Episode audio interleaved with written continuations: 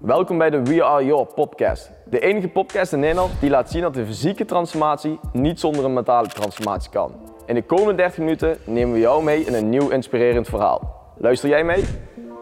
Oké dames en heren, weer een, een nieuwe podcast van We Are Your podcast. Episode 6 alweer. We gaan, eh, we gaan vrij snel. Elke week een nieuwe, bijna elke week. Bijna elke week een nieuw. Ja, vorige week hebben we één week even gemist. Maar deze week weer een splinternieuw hè. Ja. En mijn openingsvraag omtrent deze podcast, eh, Brian, is: eh, heb jij vandaag jouw supplementjes wel genomen? Ik had deze vraag eigenlijk helemaal niet verwacht. Het antwoord is ook nee. Hoe komt dat?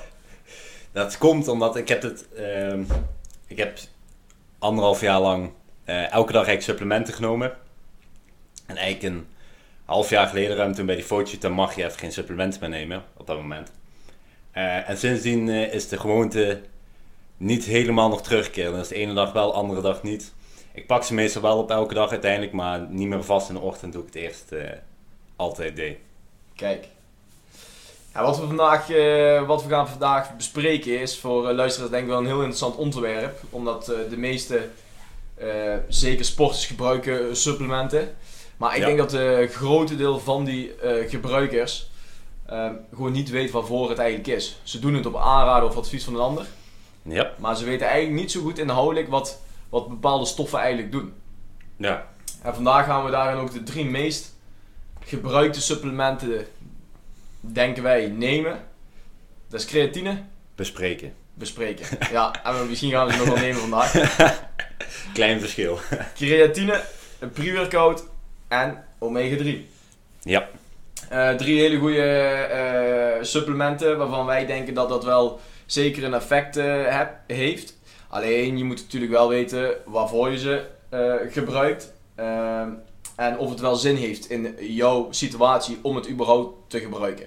Ja. Ja, ze hebben allebei allemaal gewoon heel veel voordelen. Er zitten ook eventuele nadelen aan waar je natuurlijk altijd rekening mee moet houden. Bij bepaalde supplementen daarin. En het is altijd handig voor jezelf om die op een rijtje te zetten en kijken, oké, is voor mij daadwerkelijk dan inderdaad een toevoeging om eventueel te gaan gebruiken en toe te voegen eh, aan mijn voedingsschema daarin. Ja, zeker. Ehm, met welk supplement zullen we vandaag gaan eh, beginnen, Brian? Wat stel je voor? Ik denk nou het makkelijkste is creatine qua opbouw. Creatine. Want die moeten we behandelen voordat we pre-workout gaan behandelen. Nou, helemaal goed. Eh, creatine, nou, dan zal, zal ik daarin het woord nemen over, over creatine. Ehm, ja, creatine is eigenlijk een voedingssupplement. Eh, maar wat veel mensen ook vergeten, is dat het een lichaams-eigen stof is. Dus dat betekent dat het lichaam zelf creatine ook kan aanmaken. Ehm, dat is wel in kleine hoeveelheden en het lichaam Ja. heeft wel een kleine voorraad van in het lichaam gewoon zitten. En dat heeft met het energiesysteem te maken, komen we zo meteen op. Eh, misschien een leuk weetje inderdaad over creatine is dat het lichaam ongeveer 1 tot 3 gram creatine per dag nodig heeft in het lichaam. Ehm, en dat haalt hij ongeveer, ja de verdeling is ongeveer 50-50 zeg maar, 50-50. eh, omtrent wat je uit suppletie kan halen en wat je dan uiteindelijk uit voeding haalt. Want bijvoorbeeld als jij 1 kilo kip zou eten, daar zit al 3,8 gram creatine in. Dus je kunt al behoorlijk veel creatine uit voeding halen. Nou is 1 kilo kip ook wel heel veel Dat voeding. is zeker veel, zeker veel. Maar dat geeft al aan zeg maar, dat het voornamelijk in vlees zit, het, ook in vis. Ja. Eh, zit ook creatine. Dus ook uit voeding kun je gewoon creatine halen. En dan hoef je niet extra altijd te supplementeren. Ehm, Dat is de vraag of dat nodig is. ja, daar komen we straks op. Eh, een ander leuk weetje omtrent creatine is ook dat het is opgebouwd eigenlijk uit drie aminozuren. En aminozuur voor de luisteraars, dat is een, een, eh, de verknipste vorm van, van een eiwit. Dus dat als we een eiwit uit elkaar gaan knippen, krijgen we allemaal aminozuren. Ehm, en de aminozuren arginine, methionine en glycine, die bij elkaar vormen creatine in het lichaam. Dus die drie komen bij elkaar en worden omgezet in de nier en in de lever tot creatine. En daar lichaam, of het lichaam gebruikt die creatine om energie vrij te kunnen maken. Ehm, het is dus ook met name nuttig, wat we al zeiden, voor de energievoorraad. Eh, en dan gaat het met name om kleine, korte, intensieve inspanningen. Eh, en een voorbeeld die we bij kunnen hebben om misschien wat makkelijker te maken voor de luisteraars is bijvoorbeeld ehm, als je na een, na een treinsprint bijvoorbeeld. Iedereen kent misschien wel die situatie dat je, dat je vroeger nog op school zat, of je zit misschien nog op school je, en je hebt bijna de bus mis of bijna de trein, want ze vertrekken. En dan maak je nog een sprintje richting de bus of de trein. Nou, dat is een kleine explosieve beweging die voornamelijk op uh, creatinefosfaat, uh, uh, hoe noem je dat? uitgevoerd wordt. Uitgevoerd wordt, ja. Dus daarbij is creatine belangrijk in dat proces. En om te weten hoe creatine nou precies werkt, is het eigenlijk belangrijk om even terug te gaan naar een klein stukje hoe überhaupt spieren werken. Kijk, op het moment dat we natuurlijk bewegen, dan gebruiken we onze spieren om de beweging voor elkaar te krijgen. En dat kost het lichaam uiteindelijk energie. En daarvoor is ATP nodig. En ATP, als mensen dat ook interessant vinden, dat staat voor adenosine triesfosfaat.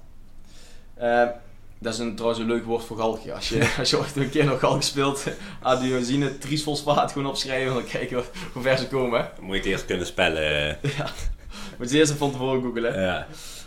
Um, nou, hiermee uh, wordt, uh, wordt de voorraad, uh, als je op een gegeven moment dan die energie hebt verbruikt, dan moet je die voorraad natuurlijk weer aanvullen. Nou, dat kan het lichaam met verschillende producten, macro's eigenlijk doen. Nou, dat zijn natuurlijk de vetzuren, dat zijn de eiwitten, dat zijn de koolhydraten. Dan wel in de kleinste vorm van zo'n macro. Dus bijvoorbeeld de eiwitten wordt in aminozuren, de koolhydraten wordt in glycogeen. Maar je hebt daar ook nog met behulp van creatine. En dat is in een, in een vorm van creatine fosfaat dan. Dat is de kleinste vorm van creatine.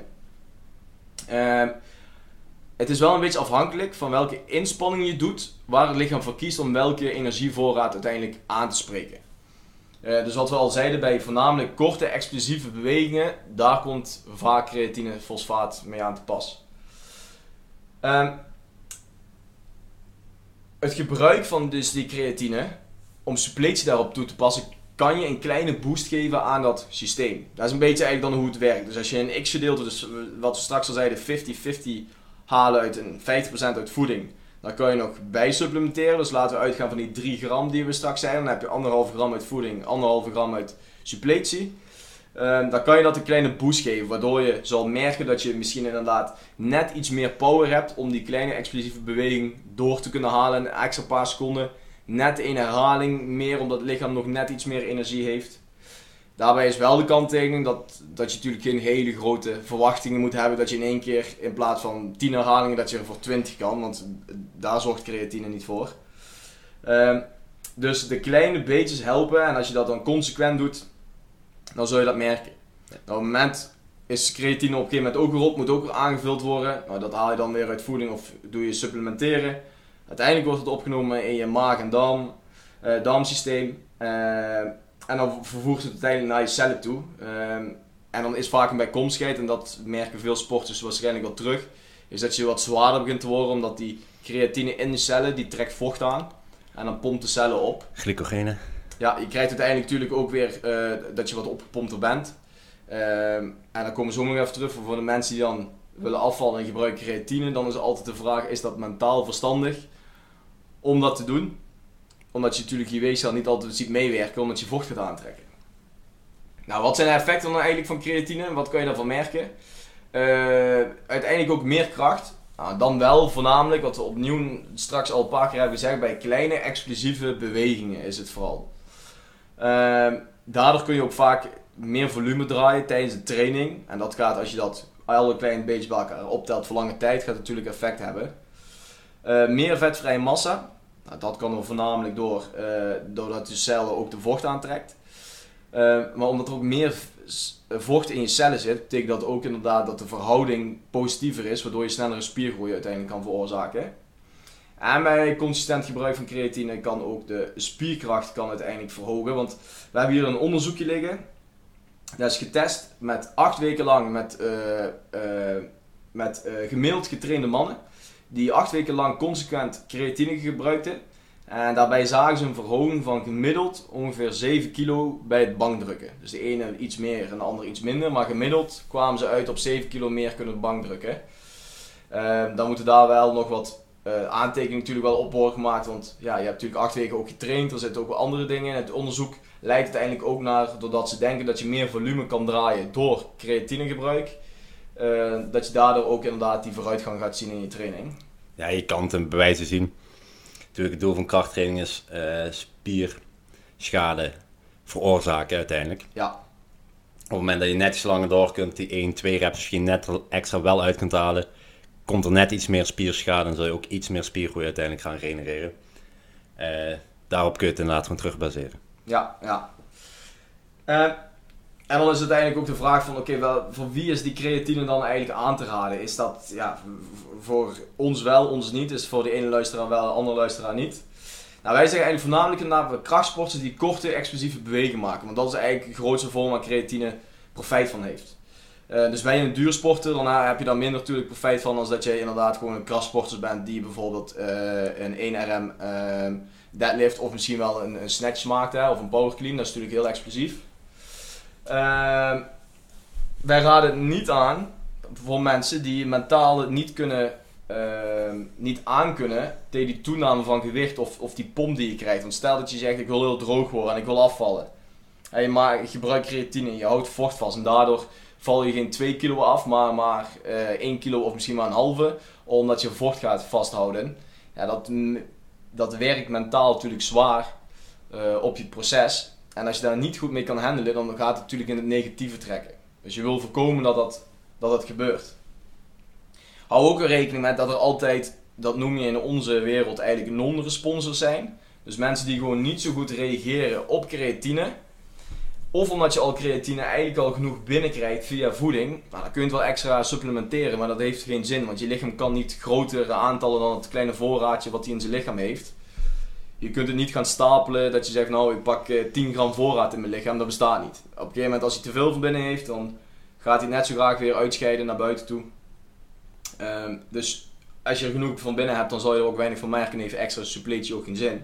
Daarbij dan wel de kant, zoals je al zegt. Qua negatieve kanten. Uh, verder, uh, te veel creatine heeft eigenlijk geen negatieve kant, omdat het lichaam gewoon hem uitscheidt, in dit geval via de urine. Uh, verlaat het je lichaam weer. Dus op dit moment heeft het, als je te veel neemt uh, door suppletie, heeft het geen verdere negatieve effecten. Dus vandaar ook dat je inderdaad altijd mensen krijgen was de vraag: kun je creatine bijvoorbeeld heel het jaar doornemen? Omdat het een lichaams-eigen stof is. Natuurlijk, als effect ja, heb je dan ook dat het lichaam zelf minder gaat produceren op het moment dat hij via suppletie te veel binnenkrijgt. Want dan detecteert hij eigenlijk: ik, het is niet meer nodig om te gaan produceren, want ik heb al genoeg. Dat is wel wat er gebeurt, maar dat herstelt na verloop van tijd. En een te hoge hoeveelheid creatine wat je inneemt, uh, scheidt er inderdaad gewoon weer uit uh, via de urine. Vandaar ook, ik neem zelf elke dag bijvoorbeeld gewoon creatine. Om in ieder geval te zorgen dat ik altijd genoeg creatine, maximaal wat mijn lichaam kan gebruiken, binnen heeft. En de rest verlaat het lichaam vanzelf daarin. Ja, de enige situatie waar je voor moet oppassen is als je, dan heeft het ook vaak met die, met, met er zijn heel veel tegenstelde beweringen in, met, met die laadfase wel of niet. Maar het enige waar je voor moet oppassen, als je te veel creatine in één keer neemt, het onttrekt natuurlijk wel vocht. En op het moment inderdaad dat je dat te veel tegelijk binnenkrijgt, dan kan het zijn dat je ook te veel vocht wegtrekt uit je maag en darmen. En dan kan je wel klachten krijgen als kramp en zo. Dat je heel, we hebben wel zo meegemaakt van uh, onder andere leden, maar ook mensen die we gewoon kennen. Die uh, krampen kregen van creatine. En dan weet je gewoon, oké, okay, er zit te veel met binnen. Je trekt te veel vocht uit je lichaam weg, ook vanuit je maag en darmen. Die krijgen dan te weinig vocht en er ontstaat kramp. En dan krijg je inderdaad darmkramp, maagkramp, hoe je het ook wil noemen. Dus dat wil je voorkomen. Dus reageer je daar slecht op, verminder dan je aantal gram creatine wat je uh, met suppletie toepast of via voeding binnenkrijgt. Maar zorg ervoor dat je niet te veel binnenkrijgt. En nou, dit is misschien ook een leuke discussie inderdaad eh, omtrent die popcaps, omtrent die eh, laadfase. Nou, wat we meestal hoort is natuurlijk dat die laadfase, dat je daarvoor ongeveer in de eerste zoveel weken uh, een 15 eh, tot 20, uh, tot 20 gram moet gaan nemen per dag. Wel verdeeld over een dag, hè, dus dat je niet in één keer 20 gram naar binnen krijgt, maar ja, in drie of vier momenten op de dag gaat verdelen. Om zo te zorgen dat je, dat je creatine systeem eigenlijk een soort boost krijgt. En dat je daarna over gaat stappen naar die 3 tot 5 gram ongeveer per dag. Um, of ligt eraan zeg maar of 0,03 gram per kilo lichaamsgewicht. En ja, het is een beetje rekensom, uh, net hoe je hem, of links of rechts pakt. Ik zelf denk, en onderzoeken laten ook wel een beetje zien, dat het niet zo heel veel zin heeft. Kan, dat die extra booster is. Alleen je verhoogt ook de kans op die darm- en, maag, uh, darm- en maagklachten. Omdat je in één keer heel veel binnenkrijgt op korte termijn. Zo is ik het altijd heb aangepast, zonder laadfase gewoon inderdaad eh, die suppletie per dag. En dat gewoon aanhouden, consequent, gewoon iedere dag weer opnieuw. Eh, maar niet met verhoogde hoeveelheden gaan werken uh, onderaan de streep. en nogmaals, inderdaad, we hebben hier ook wat onderzoeken voor ons liggen die dat ook zeggen dat er geen echt significant verschil is in prestatie als je met de laadfase per se werkt. Ja, uiteindelijk is bijna bij elke vorm van supplementen, op het moment dat je het gevoel hebt dat het voor jou werkt, zou ik het gewoon lekker doen. Maar ga niet overdrijven op bepaalde vlakken. Omdat inderdaad, uiteindelijk is bijna alles in extreme hoeveelheden gaat het toch nadelige gevolgen hebben. Ja. Uh, en dan vallen de positieve zitten maar tot een plafond waar je binnen kan krijgen waar je een positief effect van ervaart. En daar zit je al ruim overheen. Dus ga niet overdrijven. Maar als inderdaad op een supplement voor jou werkt, dat je zegt, oké, voor mijn gevoel werkt het, herstel ik beter, kan ik meer aan mijn training aan, gebruik het dan gewoon lekker, maar wel in de aanbeve of aanbevolen hoeveelheden die erop staan daarin. Ja, zeker. Dan sluit ik mij eigenlijk helemaal baan. Dan om het af te sluiten met, met, eh, met creatine, dan heb je ook nog vaak verschillende vormen. Want ja, die vraag krijgen we ook vaak. Hè, van oké, moet ik nou eigenlijk monodraad nemen? Moet ik nou nitraat nemen? Je hebt zelfs HCl heb je inderdaad. Of dat, dat uh, ethyl ester. Dat zijn allemaal van die verschillende soorten creatine. Die laatste heb ik nog niet gehoord. Nee, je hebt, ja, je hebt er best wel veel verschillende in. Uh, de meest gebruikte en wat wij ook gewoon aanraden is die monodraad. Dat is gewoon inderdaad... Monohydraat. Mono, oh, ja, je zegt het goed. Monohydraat. Ja, klopt. Uh, excuses voor de spreekfout. Monohydraat. Potverdomme. Misschien luisteren kleine kindjes. Maar een monohydraat inderdaad. Uh, je hebt ook van die, als je ooit op de achterkant kijkt van die creatine, dan zie je wel eens ooit dat er een mix is tussen eh, monohydraat en, en nitraat. Dat kan ook. Eigenlijk is het groot verschil tussen monohydraat, dat, is, zorgt iets meer voor de spierkracht. Nitraat zorgt iets meer voor de spierpomp. Dus zeg maar een, een, een kruising daartussen, ja, kan ook, is niet erg. Uh, maar wij raden aan inderdaad, ga altijd uit voor het grootste deel van het bestand dat, dat bestaat uit die monohydraat die HCl en die, en die ethyl zijn allemaal beweringen dat dat een grotere uh, uh, BW-waarde heeft, dus die biologische waarde, dat het sneller kan worden opgenomen door je lichaam dan dat het dichter bij de natuurlijke structuur ligt. Maar dat is in de afgelopen jaren ook al veel onderzocht en daar, kunnen ze ook niet hard maken en aantonen via onderzoek dat het echt veel ja, sneller wordt bij heel veel supplementen inderdaad, dat er inderdaad Um, natuurlijk, whey-protein heb je ook. Vroeger had je alleen maar gewoon normale whey-protein. Er kwam isolaten allebei steeds ja, iets zuiverheid extra, inderdaad. Iets grotere zuiverheid, ook een stuk duurder meteen. Uh, dat verschil is zo miniem in mijn ogen. En vaak is het al nog niet eens bewezen inderdaad, omdat het verschil gewoon te klein is om dat in een onderzoek te kunnen bewijzen daarvoor. Ja. Uh, dus inderdaad, in het geval van creatine zou ik altijd gewoon, ik pak zelf ook altijd uh, monohydraat. Dat is gewoon de meest standaard en beste keuze daarin om te maken. Ja, ja, sluit ik me bij aan. Ik gebruik zelf ook iedere dag inderdaad gewoon die monohydraat, creatine.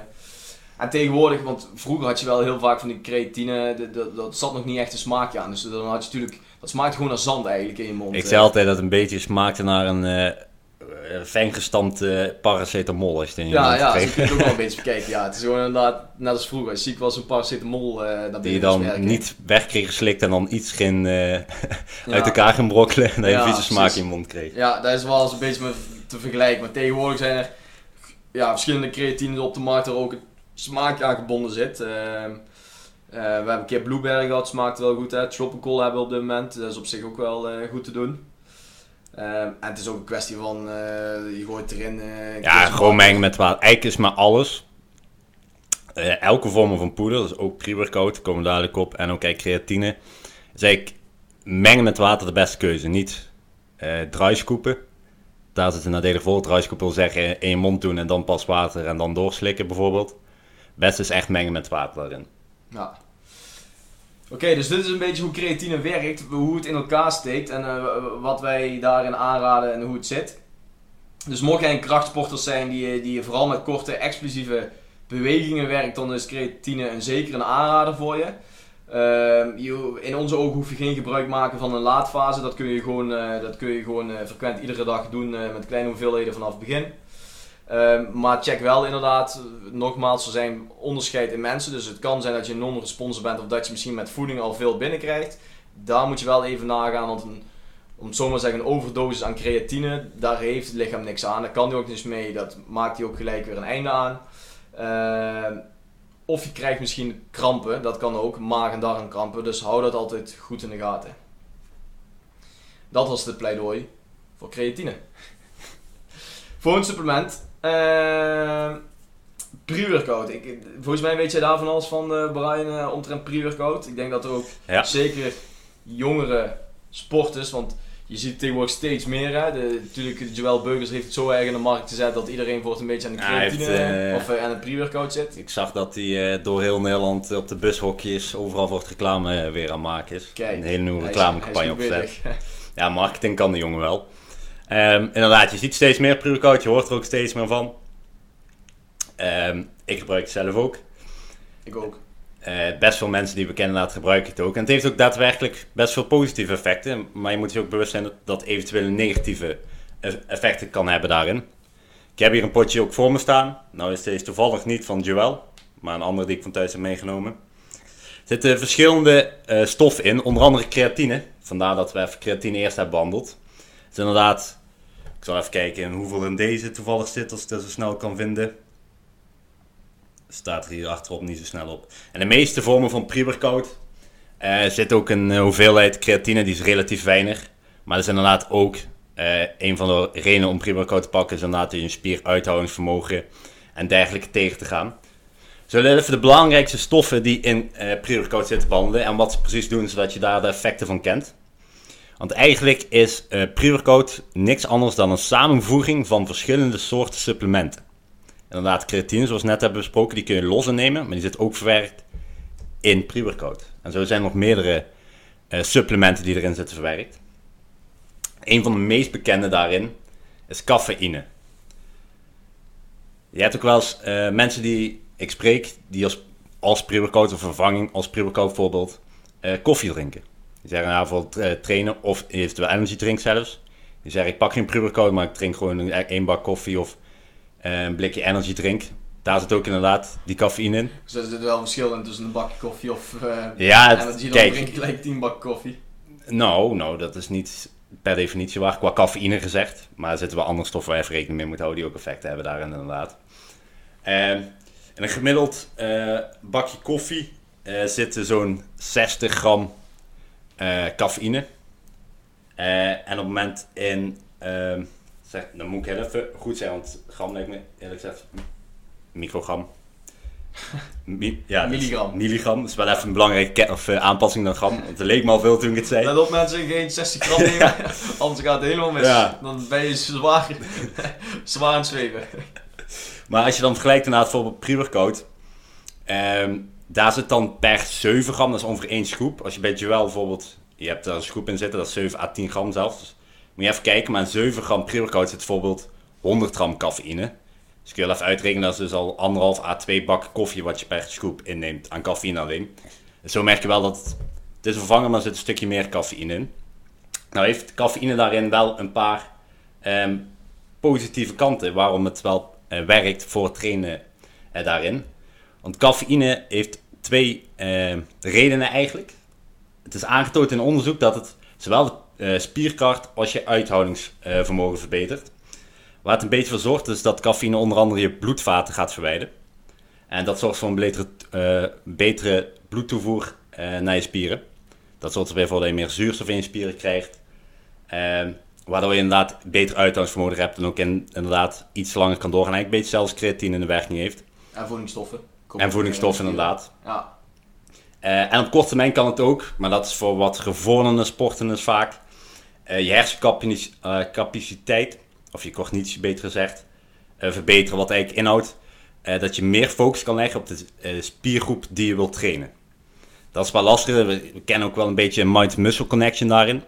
Dus dat je echt bewust een spiergroep kan targeten en expres kan aanspannen tijdens de beweging om extra nadruk te leggen op die spiergroep. Eh, en cafeïne kan ervoor zorgen in je hersencapaciteit dat ook inderdaad die functie toeneemt daarin. Ehm, misschien kennen met sommige mensen het wel, je traint wel en je hebt het gevoel van ik doe de beweging hoe het staat, maar ik voel niet echt de spiergroep die ik moet voelen bijvoorbeeld. Kan zijn dat het te licht is.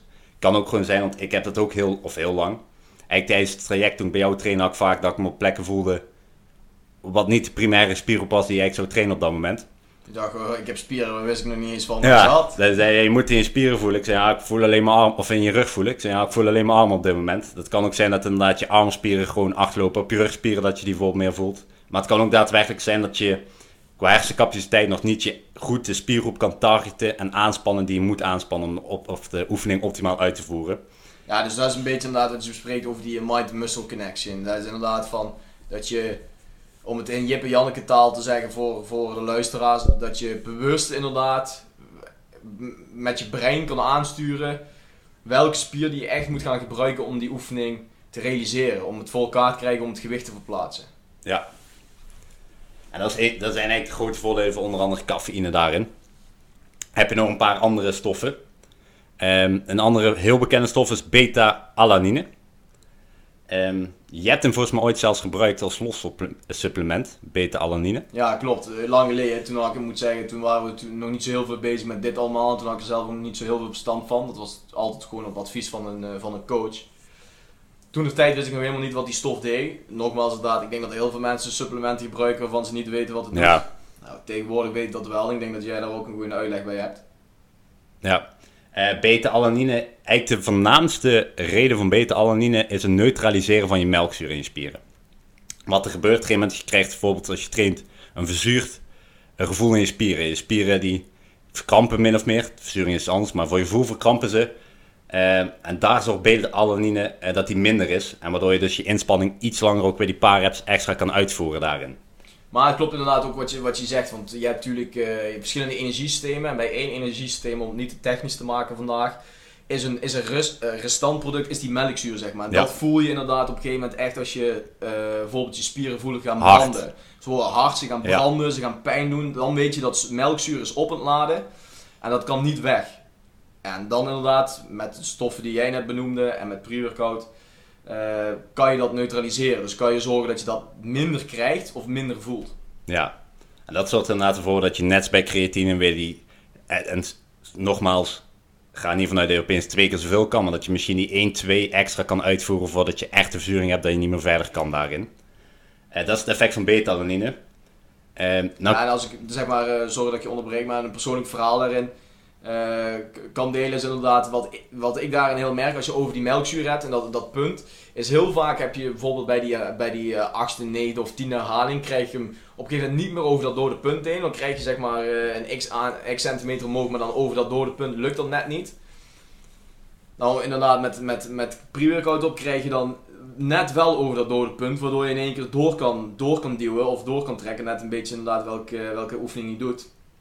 En vervolgens inderdaad net die aantal herhalingen meer kan maken. Ik merk daarin heel erg, als we dan een discussie voeren, want mogelijk krijg je dat nu ook door deze podcast met al die mensen ja, Ja. een bak koffie is hetzelfde en eh, dat heeft allemaal geen niet zin. helemaal, Het is, nee. het is marketingmiddel. Maar dat merk ik echt het grote verschil met bijvoorbeeld een bak koffie ten opzichte van pre-workout. Die laatste paar herhalingen voelen gewoon op dat dode punt van dat je daar wel doorheen kan in plaats van dat je daar net niet doorheen kan. Ja, zeker. En nou dan ook een gevoel, dat is een gevo- kan een gevolg zijn van beta-alanine. Jij kent het volgens mij. Dan hebben mensen wel eens ehm, last van jeuk, tintelinggevoel. Je hebt volgens mij wel eens een tinteling in je oren gehad. Ja, ik denk dat iedereen wel, eh, iedereen die ooit pre-workout heeft Ik heb het nooit gebruikt- gehad. Oh, je, ben je- dan heb je niet genoeg gebruikt of je bent er eh, niet gevoelig voor. Ja, een sponsmachine. Ja, ja, ja, dus het is allemaal placebo wat jij hebt. Ja. ik denk Ja, dat het werkt, ik, ik ben gewoon sterk van mezelf inderdaad, ja. Nee, wat ik al eens ooit heb meegemaakt is inderdaad toen ik, eh, toen kwam ik thuis en had ik getraind. En toen had ik ook pre-workout op. En je moet inderdaad, misschien komt het daar nog in jouw verhaal, dat je wel een beetje qua dosering moet opletten van hoeveel pak je. Omdat je Ja. misschien heel erg hard erop reageert, terwijl een andere eh, veel minder erop reageert. Eh, veel minder heftig in dat geval. En toen kwam ik thuis en ik weet nog dat, dat, dat onze moeder zei van, ga je Brian even ophalen bij, in de Boxmeer bij het treinstation. Want die belde net. Want, eh, ze moest koken en dan kon ik jou ophalen. En ik wist nog van oké shit, ik heb net die pre-workout op, ik heb net getraind en die werkt nog een paar uurtjes door. eh, Want eh, ik had gewoon veel te veel genomen, dat deed ik toen de tijd altijd. Ehm, en toen op een gegeven moment kwamen wij rotonde. En ik wil, eh, en ik wil remmen, ik krijg bijna een botsing. En op dat moment gaat echt van, van mijn kleine teen tot aan mijn oorlellen begon alles te tintelen, zeg maar. Omdat je schrikt en, en die stof die werkt nog heel erg. Dus al die zenuwen uiteindelijk gaan zijn werking doen. Ja, Ja, toen voelde ik wel echt helemaal, dat was de grootste tinteling die ik ooit heb ervaren. Ja, en dat is vaak een gevolg van beta-alanine, het gevoel van jeuk, die tinteling. Uh, zeg maar, heel vroeger, nog in het beginjaar van pre-workout, deden mensen heel veel beta-alanine erin. Had je, als je nog ooit wat oudere pre-workout pakt, je dat wat meer ervaren dan die van tegenwoordig. Daar zijn ze wat achter, oké, daar ligt het aan, daar moeten we inderdaad wat minder erbij doen. Was het begin, van uh, pre-workout, waren we bij de holbewoners? Ja, nee, bij de holbewoners, nee, maar zeg maar de echte wat oudere Amerikaanse merken, als je die nog ooit pakt, zit een stuk hoger in beta-alanine dan de merken die we weer voornamelijk in Nederland kennen, zoals die van Joel daarin. Um, dat kun je ervaren. Dus als je oh, krijgt heel veel jeuk en je pakt pre-workout van tevoren, dan kan het inderdaad liggen aan de pre-workout. Kun je eventueel kijken van, misschien aan een ander pre-workout waar minder beta-alanine in zit. Of je moet eventueel gewoon minder uh, pakken, zodat je hoeveelheid beta-alanine niet te veel is die je binnenkrijgt daarin. Ja, vaak voel je die tinteling terug op het puntje van je neus, uh, oren heel vaak. Hè? Mensen, ja, die mensen hebben heel vaak in oren, ja. Ja, een, ko een koptelefoon afdoen en over een oren beginnen te wrijven. Ja, een andere stof, uh, belangrijk, die in pre-workout zit, is ook nog L-citrulline. Uh, die komt in je lichaam, die wordt eigenlijk in je lichaam omgezet in L-arginine. En L-arginine verhoogt het stikstofoxide-gehalte in het bloed. Wil je dat nog een zeggen? Het stikstofoxide. ja, als je tweede keer is makkelijk. Het stikstofoxide-gehalte in je bloed, wat ook weer zorgt voor een verwijding van je bloedvaten, een betere bloedstroom uh, en inderdaad, voedingsstoffen en zuurstof kunnen beter de spieren bereiken. Eigenlijk dezelfde werking daarin. Um, een van de negatieve kanten van L-arginine die je kent. Ook is L-arginine stof die er ook voor zorgt dat je je pomp wat langer vasthoudt. Ik hoor het wel eens van mensen die trainen en die dan naar festival gaan. En die die pomp vast willen houden, die nemen dan extra L-arginine in om die pomp tijdens het festival even langer vast te houden van de training daarin. Ja, klopt. Hou daar wel even duidelijk rekening mee. L-arginine kan wel uh, die goede darm, of, uh, ja, darmbacteriën uh, beschadigen. Wat effect kan hebben dat je heel veel scheten laat, die ook enorm kunnen stinken, of problemen krijgt met je lasting. Daar moet je wel even goed rekening mee houden. Het kan zijn als je inderdaad ook pre neemt, dat je op het begin even misschien wat last krijgt van je onlasting of inderdaad van scheten. Ook dat zal dan liggen waarschijnlijk aan L-arginine. Dan moet je eventueel gaan kijken, oké, moet ik minder pakken? of een pre-workout zoeken waar geen uh, L-arginine of in ieder geval minder in zit. Daar heb ik denk ik last van. Als ik pre-workout pak, dan zit ik altijd binnen de eerste twee minuten na het pakken van pre-workout zit, ik, zit ik op de pot. ja. ja, ik heb er ook vaak last van, wel een pre-workout daarin. het kan ook zijn, als je kijkt, tuurlijk, eiwit heeft een beetje hetzelfde effect. Daarvan kun je ook gewoon extra naar de wc daarin moeten als je niet te veel inneemt of je scheten extra gaan stinken. Daar kan het ook liggen, maar het kan eventueel ook inderdaad aan de pre-workout daadwerkelijk liggen daarin. Ja, het zijn zoveel stoffen. Hè. Je hebt ook rokers, als die eenmaal een sigaret opsteken, dan moet je ook binnen nood en naar de wc. Dus iedereen heeft wel zijn eigen... Ja. Nou, dus als je het ooit, krijg het ooit van iemand over van, ah je moet L-arginine pakken als je naar festival gaat, zorg eens even trainen en dan hou je die pomp vast. Kun je proberen, maar hou er wel even rekening mee dat het ook negatieve kanten heeft voor dat beetje extra pomp die je dan vasthoudt tijdens een festival. Maar als je dat nodig hebt, ben je niet breed zat. ja. Je hard trainen. ja, zo kun je het ook zien. Uh, en als laatste hebben we ook nog, er zitten ook verschillende uh, vitamine in. Uh, B12 zit er onder andere in, Neas, niacine zit er onder andere in. die spelen ook een belangrijke rol op bepaalde punten. Metabolisme. De metabolisme is eigenlijk een moeilijk woord. Ik zeg altijd voor je onderhoud daarin. Hoe snel je lichaam verbrandt en hoe die in zijn werk gaat daarin. en de energie die je ervaart. dat is ook gewoon een toevoeging. Die heb je ook losse supplementen, gewoon B12, verschillende vitamine daarin. Hij zit vaak inderdaad met mensen die als die zo'n de, de, depressie hebben, hè, dan wordt dan zo'n shot B12 uh, direct in, de, in het bloed uh, gespoten. Niet met uh, suppletie zelf door, door de mond, maar gewoon direct in één keer in de, in de bloedbaan. Zodat ze echt inderdaad een energieboost krijgen en ook echt uit die depressie komen. Want het is ook heel erg beïnvloedbaar op je, op je gemoedstoestand. Ja, en daarna zit er ook nog verschillende ook aminozuren bijvoorbeeld in. je hebt wel eens BCAA heet het, een afkorting. Uh, dat is een apart supplement. Dat nemen mensen ook wel eens omdat dat losse aminozuren zijn en je spieren worden opgebouwd door aminozuren.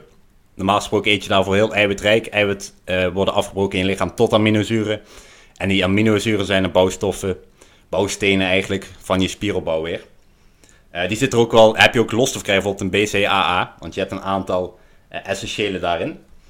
Ehm, nou zeg ik altijd, op het moment dat je ehm, genoeg eiwit eet, is BCAA totaal overbodig. Je lichaam kan maar een bepaald hoeveelheid uh, eiwit aan daarin. Um, en op het moment dat je meer in heeft, meer heeft hij niet nodig. Dus dan wordt dat op opgeslagen of weer op een andere manier verbrand. Eh, zo werkt eigenlijk bij BCA. Op het moment dat je zat eiwitten binnenkrijgt, heeft dat beetje, of BCAA na of voor de training of wat ook aanraden, heeft eigenlijk bijna geen effect daarin. Eh, er zitten wel verschillende aminozuren ook in uh, pre-workout, zoals L-glutamine uit mijn hoofd. dus dat zou dan weer je spierherstel bevorderen, omdat je direct aminozuren binnenkrijgt. Ze hoeven niet meer afgebroken worden het lichaam, dus ze worden sneller opgenomen en sneller voor spierherstel zorgen. Ehm, heeft een werking inderdaad, maar zoals ik al zeg, eiwitten zijn er al heel belangrijk in. Zolang je genoeg eiwitten binnenkrijgt, is dat geen extra toevoeging die je nodig hebt uh, binnen je voeding. Uiteindelijk is het zo concludeert, zul je dan merken na de pre-workout um, een verbetering is in laten je sportprestaties en conditie uh, toe te laten nemen. Het is ook uh, gewoon bewezen in onderzoek dat mensen die regelmatig, met de nadruk wel even op regelmatig, gewoon pre-workout nemen, dus laat voor, voor elke training een beetje pre-workout, dat die uiteindelijk meer spierkracht en meer spiergroei gaan ervaren daarin. Daar zit wel een significant verschil in. Nogmaals, ga er niet vanuit dat je opeens 30% meer spiermassa eh, aanneemt. Eh, maar er zit wel daadwerkelijk een verschil in. Maar het heeft natuurlijk ook wel een negatieve kanten. Um, ik merk, als ik bijvoorbeeld lange tijd pre-workout voor mezelf heb gedaan, dan spreek ik dan een persoonlijke ervaring en daarna pak ik een tijdje niet dat ik mijn gevoel wel heb dat mijn energielevel tijdens het trainen heel laag ligt opeens. Of op het moment dat je pre-workout neemt, Um, en je training duurt net iets te lang. Dat je daar een beetje een dipje krijgt in de training, omdat je gevoel krijgt dat je pre-workout inderdaad um, is uitgewerkt.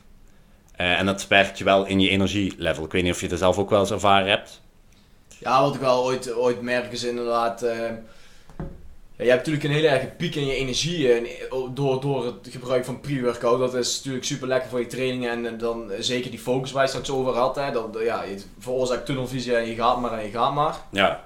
Je moet wel oppassen dat je niet te veel afgeleid raakt, want uh, ook daar uh, trek je dan je aandacht in en blijf je daar ook maar bij hangen. Dus hou je echt bij je training.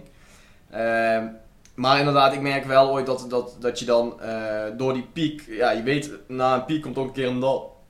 En dan betekent dat dat er ook, ja, op een gegeven moment ben je uitgeput. Fysiek. Want ik merkte wel, zeker vroeger toen ik echt nog te hoge doseringen nam, dat fysiek was ik uitgeput en was ik echt klaar. Maar uh, mijn, uh, in mijn hoofd zegt het broem broem broem. en dan stond het tempo nog een hoge, hoge, hoge aantallen aan. Ja, dat, dat ging wel erg, dat ging niet goed. Dan lag je in bed en dan stond je echt naar het plafond te kijken. Ja. En, en, je lichaam was moe, maar je, doordat je geen rust in je, in je brein had, zeg maar, in je hersenen. Dus die golven die gingen maar op en neer. Kon je gewoon niet slapen. Ja, ja daar, daar moet je wel inderdaad goed op, op letten. Um, paar dingen wat ik altijd oplet inderdaad bij uh. Ten eerste, als je, als je mee wil gaan beginnen, je zegt, nou ik wil het gewoon proberen, want ik wil inderdaad mijn prestaties, mijn focus, mijn uithoudingsvermogen tijdens trainen iets verbeteren daarin.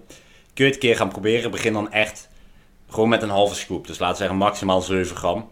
Om gewoon een keer te proberen, oké, wat doet dit? Hoe reageer ik erop? Merk ik voor mijn gevoel iets van verschil daarin? Um, eventueel later kun je dat opbouwen naar echt een volledige scoop, dus naar 10 gram. Um, en dat is ook vaak ik denk, jij pakt ook altijd maar één schroep uit mijn hoofd.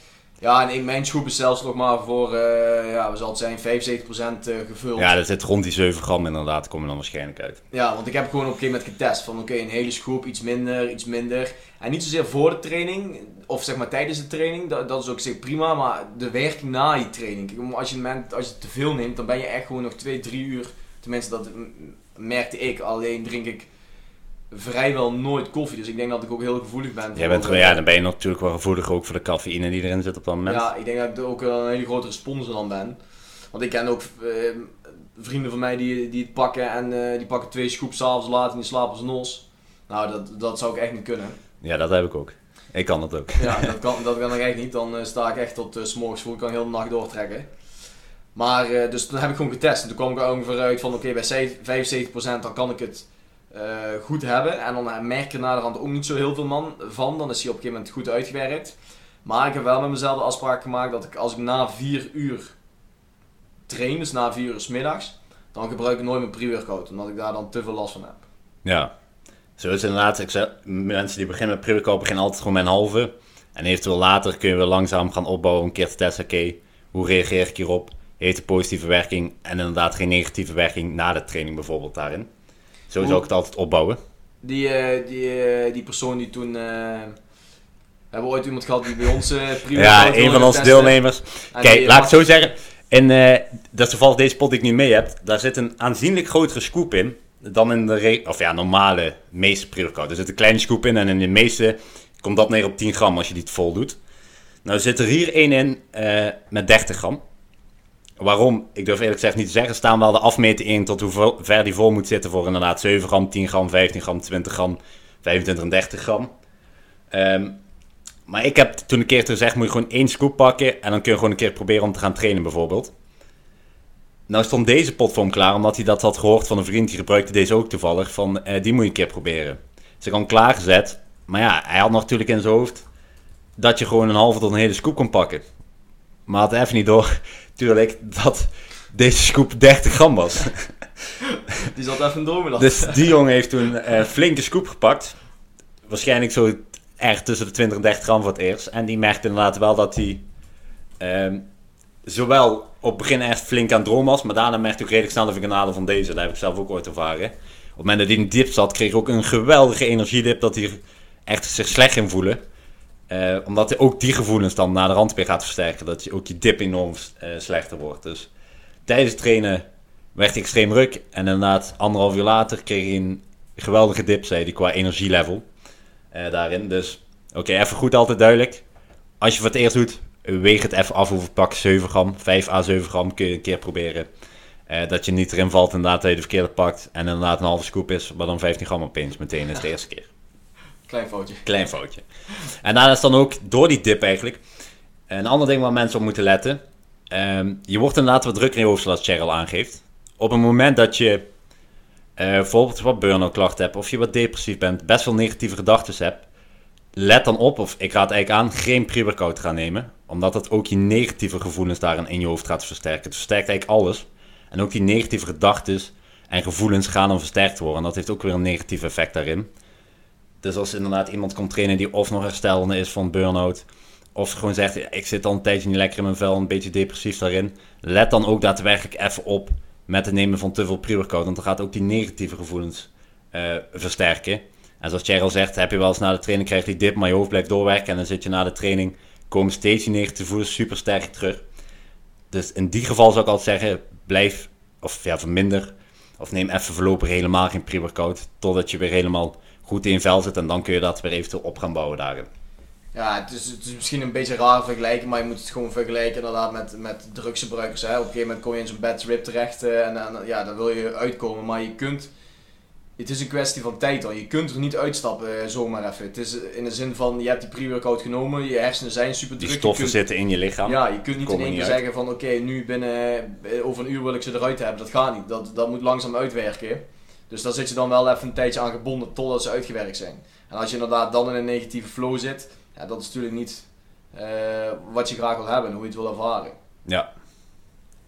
Dus inderdaad, kort eigenlijk samengevat, is pre-workout niets anders dan een uh, samenvoeging van verschillende soorten supplementen die je eventueel ook los kan innemen. Dus als je ooit zegt, nou ik wil inderdaad de cafeïne, uh, die wil ik wel, maar de rest niet, kun je bijvoorbeeld inderdaad koffie eventueel gaan drinken voor de training of iets anders. Je kan ze ook inderdaad samenvoeging gaan proberen zodat je alle positief daarin ervaart. Het heeft een significante werking inderdaad. Uh, dat je over een lange termijn consistent gebruikt, uh, je spierkracht en je spiergroei meer gaan toenemen. Maar ga ook daar inderdaad niet vanuit dat je opeens uh, over een jaar 50% gespierder bent dan je anders zonder zou zijn.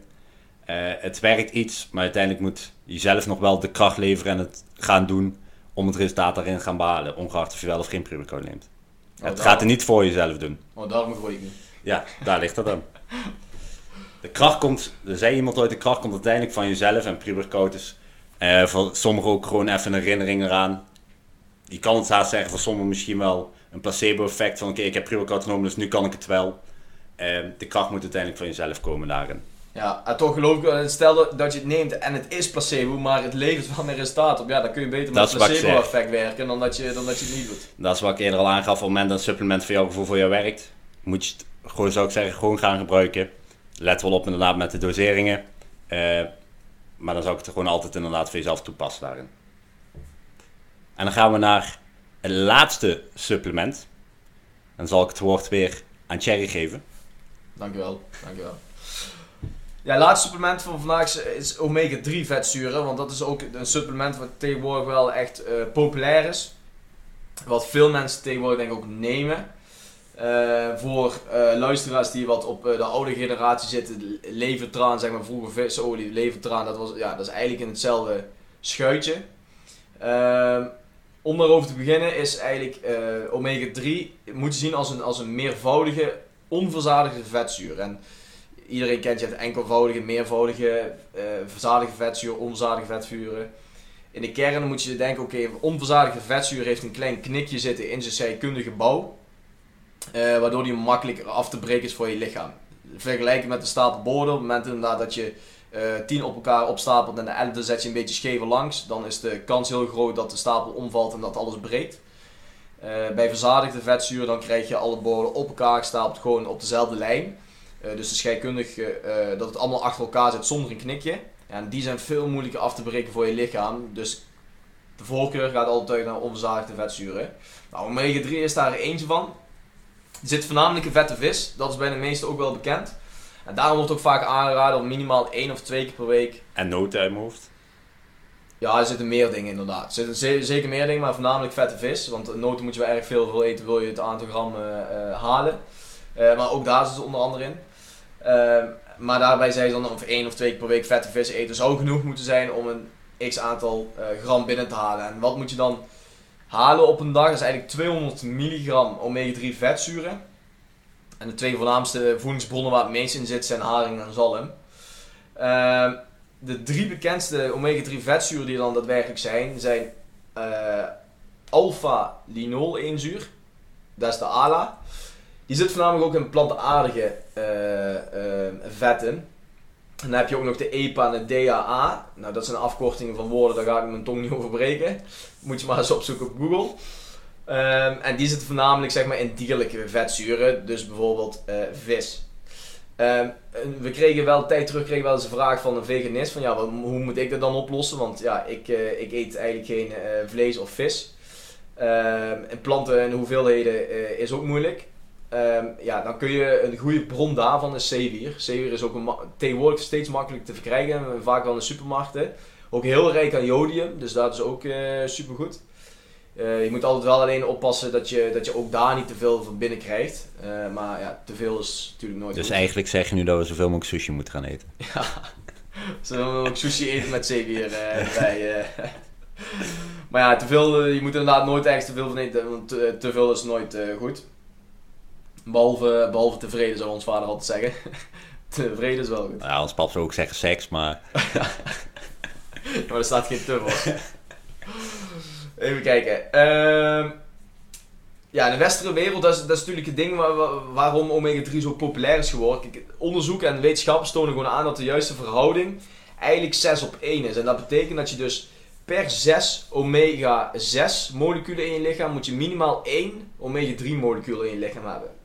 Waardoor de, uh, de ontwikkelingen in, in de voedingsindustrie en noem het dan maar op in, in, in Europa, is die verhouding van 6 op 1 doorgeslagen naar 15 op 1. En dat is dus daarom een hele grote disbalans in je lichaam, waardoor veel meer ontstekingen ontstaan dan ooit tevoren. En heel veel uh, welvaartsziektes zijn ook terug te koppelen aan deze verhouding.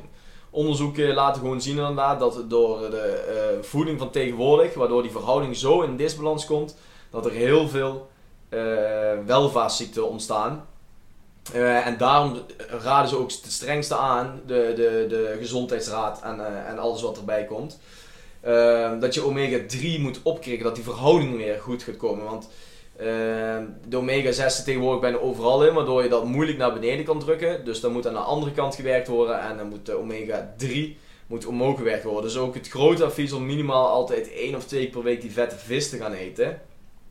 Je kunt natuurlijk ook voor kiezen om extra te uh, supplementeren met visolie.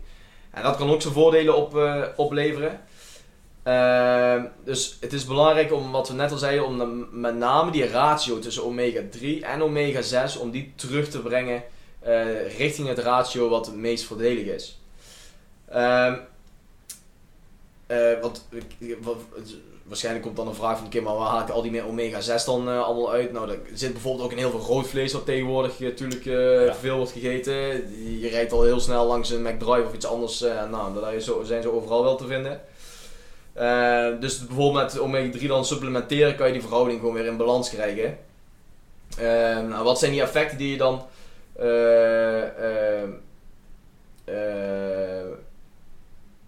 veel gezochte ondeffecten. Eh de voorkeur zeg maar inderdaad is er dan om, witte, of, eh, veel, eh, om één of twee keer per week vette vis te eten of supplementatie toe te passen. Eigenlijk is zo als je één of twee keer per week wel vette vis eet, is extra supplementeren niet heel per se nodig. Want opnieuw ook daar weer is dat je lichaam maar een x aantal voorraad kan hebben. Dus hij kan ook niet veel te veel gaan binnenkrijgen. Eh, dan moet je wel afvragen hoe goed de kwaliteit natuurlijk is van de vis die je, die je eet. En ik denk ook niet dat er heel veel mensen zijn die daadwerkelijk echt gemiddeld genomen twee keer in de week vette vis eh, eten. Dus bijvoorbeeld zalm, haring daarin. Echt twee keer zullen maar, in ieder geval, ik denk een merendeel niet uiteindelijk. Nee, nee. En inderdaad ook opletten, want bijvoorbeeld sommigen eten bijvoorbeeld heel veel van die, van die tilapia filet dan, maar dat is natuurlijk een grote kweekvis die... die Pangasius ook. Pangasius ook. Het zijn allemaal grote kweekvissen waardoor het eigenlijk denkt, van, hey, ik eet vis, maar het heeft niet die werking die je graag wil hebben om dat ratio van omega 3, omega 6 te doen. Dus je moet altijd goed nagaan waar haal ik ze vandaan en wat is de kwaliteit van die vis. Eh, maar dat is de strijd die we tegenwoordig allemaal voeren met de grote voedingsindustrieën. Eh, het wordt natuurlijk heel moeilijk gemaakt tegenwoordig. Eh, maar grote voordeel die je van merkt is natuurlijk, de belangrijkste zijn eh, eh, je zuurstofopname, of eigenlijk de, eh, hoe noem je dat, de, effectiviteit ervan. Het lichaam kan gewoon heel efficiënt gaan werken met zijn zuurstof die hij binnen kan. Hij kan meer zuurstof opnemen met de hap zuurstof die je naar binnen neemt. En dat ga je ook terugmerken in je sportprestaties. Want wat Brian straks ook zei, door de bloedbaan gaat de zuurstof naar de spieren. En als je dus efficiënter daarmee om kan gaan, meer zuurstof tegelijk kan opnemen. Niet de hapzuurstof, want dat vergroot niet, alleen wel wat hij daarvan gebruikt. Als je dat beter kan eh, eh, reguleren door bijvoorbeeld het gebruik van omega 3, dan kun je ook je sportprestaties verbeteren. Andere voordelen zijn bijvoorbeeld ook dat je eh, minder ontsteking hebt in je lichaam. Want ontstekingen komen ontzettend veel voor tegenwoordig, waardoor je inderdaad al die welvaartsziektes krijgt. Nou, dan kun je dat heel erg afnemen. En natuurlijk ook, denk aan haar, denk aan huid. ehm, vaak bij hondenshows werd vroeger ook veel gebruikt. Hè, dat de honden echt inderdaad de, de zalmolie, de visolie, welke dan ook gingen gebruiken. Zodat ze extra gingen glanzen qua huid en andere dingen. Dus ook daarvoor is het ontzettend goed. Dus omega 3 is een zeer sterk en goed supplement om te gebruiken. eh, voor de gezondheid en om je sportprestaties te verbeteren. Het is niet direct dat je, dat je daar in één keer eh, flink wat meer spiergroei van gaat ervaren. Ehm, of dat je in één keer twee keer zo hard gaat afvallen. Maar als het gaat om fit en vitaal, is dit wel een heel belangrijk supplement waarvan wij zeggen: oké, dit zal je echt in de basis wel moeten nemen dagelijks. Of je moet echt twee keer per week vette vis eten van een goede kwaliteit. Nou, en dat is natuurlijk altijd de vraag van oké, gebeurt, dat, eh, gebeurt dat op dat moment? Ehm, dus dat is wat me- omega 3 is en wat we daarin aanraden. Ik zeg altijd wel daarbij, inderdaad, je hebt al een beetje gezegd 3 en 6. Als je ooit supplementeert met omega vetzuren, pak dan inderdaad omega vetzuur eh, 3. En kijk het er goed naar, want je hebt tegenwoordig heel veel omega 3, 6, 9. En met 6 moet je opletten dat je niet die te veel binnenkrijgt. En best veel mensen krijgen al redelijk wat omega 6 binnen met de dagelijkse voeding. Eh, en op het moment dat je dan ook nog supplementeert, kan dat te veel zijn. En dat heeft een negatieve effecten. Eh, omdat te veel omega-6 eh, wordt omgezet in, moet ik het even goed zeggen, arachidonzuur. En dat heeft weer een positieve werking op ontsteking, een soort van extra ontstekenen. Eh, wat tot allerlei klachten kan leiden, zoals ook reuma en astma daarin. Of astma, ja, astma, artrose, reuma. Eventueel ook eczeem kun je dan extra gaan ervaren. Dus let daarmee op als je gaat supplementeren met omega-vetzuren. Ga dan echt naar omega-vetzuur 3 capsules of eventueel eh, maar kijk uit met softgels eh waar 369 bevat, omdat het dan kan zijn dat je te veel omega eh, eh, 6 binnen gaat krijgen daarin. Ja, dat is inderdaad hetgeen waar heel veel van die, wat je net allemaal opnoemt aan aandoeningen, ziektes, die zijn gewoon heel erg terug te relateren aan de manier waarop je eet. Waardoor je ontstekingen gewoon in een enorm tempo ontzettend veel aanwezig zijn in je lichaam. Ja, en dan krijg je de gevolgen van reuma eh, en heel veel andere dingen. Er zit natuurlijk ook wel, we- niet iedereen met bepaalde aandoening eh, moet meteen de schuld geven dat er een bepaalde voedingsstructuur achter zit. Maar de onderzoeken laten tegenwoordig wel zien Het dat het stimuleert wel de Zeker, ontstekingen. want we Dus. zien in de afgelopen jaren gebeuren, dat heeft er zeker mee te maken dat de, met de voedingspatronen van tegenwoordig, dat de ontstekingen in ons lichaam in een rap tempo toenemen. Oké, dus om vandaag af te sluiten, want we zijn alweer bijna een uur bezig, dat gaat rap. Eh, drie supplementen vandaag besproken, creatine Pre-workout. en omega 3. We hopen dat jullie daarin nu meer informatie over deze supplementen hebben ontvangen, zodat je ook zeker weet waarvoor je het gebruikt, wat ze precies doen, welke stoffen erin zitten, wat die doen. En dat je jezelf gaat afvragen, oké, gebruik ik hem op de goede manier en ben ik geschikt om dit product wel of niet te gebruiken. Ehm, mochten er nog vragen zijn ontstaan omtrent deze suppletie, kun je dat ons altijd benaderen via onze socials. Mocht je nog een vraag hebben waarvan je zegt, daar zou ik graag eens een antwoord op willen hebben, hoe dat precies werkt, stuur het ons door. Dan gaan wij dat beantwoorden in een van onze volgende podcasts. Ehm, voor nu wil ik iedereen weer bedanken voor het luisteren natuurlijk naar deze podcast. Graag gedaan. En ehm, dan eh, eh, raden we natuurlijk aan nog om te abonneren op de eh, podcast. Ja, ik weet niet hoe de, ik ken YouTube, eh, ring de bel, dat soort dingen. Ik weet niet hoe het werkt op Spotify, eerlijk gezegd. Ja, ja, op Spotify kun je ook inderdaad eh, kun je ook, eh, ring bell eh, aantikken. Dus dan kun je het belletje-icoon aantikken. En elke keer als er weer een nieuwe podcast online komt, krijg je een melding daarvan. En dan weet je ook dat er een nieuwe online staat. Wij wensen iedereen een hele fijne dag toe. En we gaan elkaar weer eh, spreken, niet zien hè, tijdens de podcast. Spreken, zeker. Spreken in onze volgende podcast. Yes, tot snel. Bedankt voor het luisteren naar de We Are Your podcast. In de volgende aflevering hebben we weer een inspirerend en waardevol gesprek voor jullie klaarstaan. Voeg deze podcast toe aan je favorieten en mis nooit meer een gesprek over mentale en fysieke transformatie.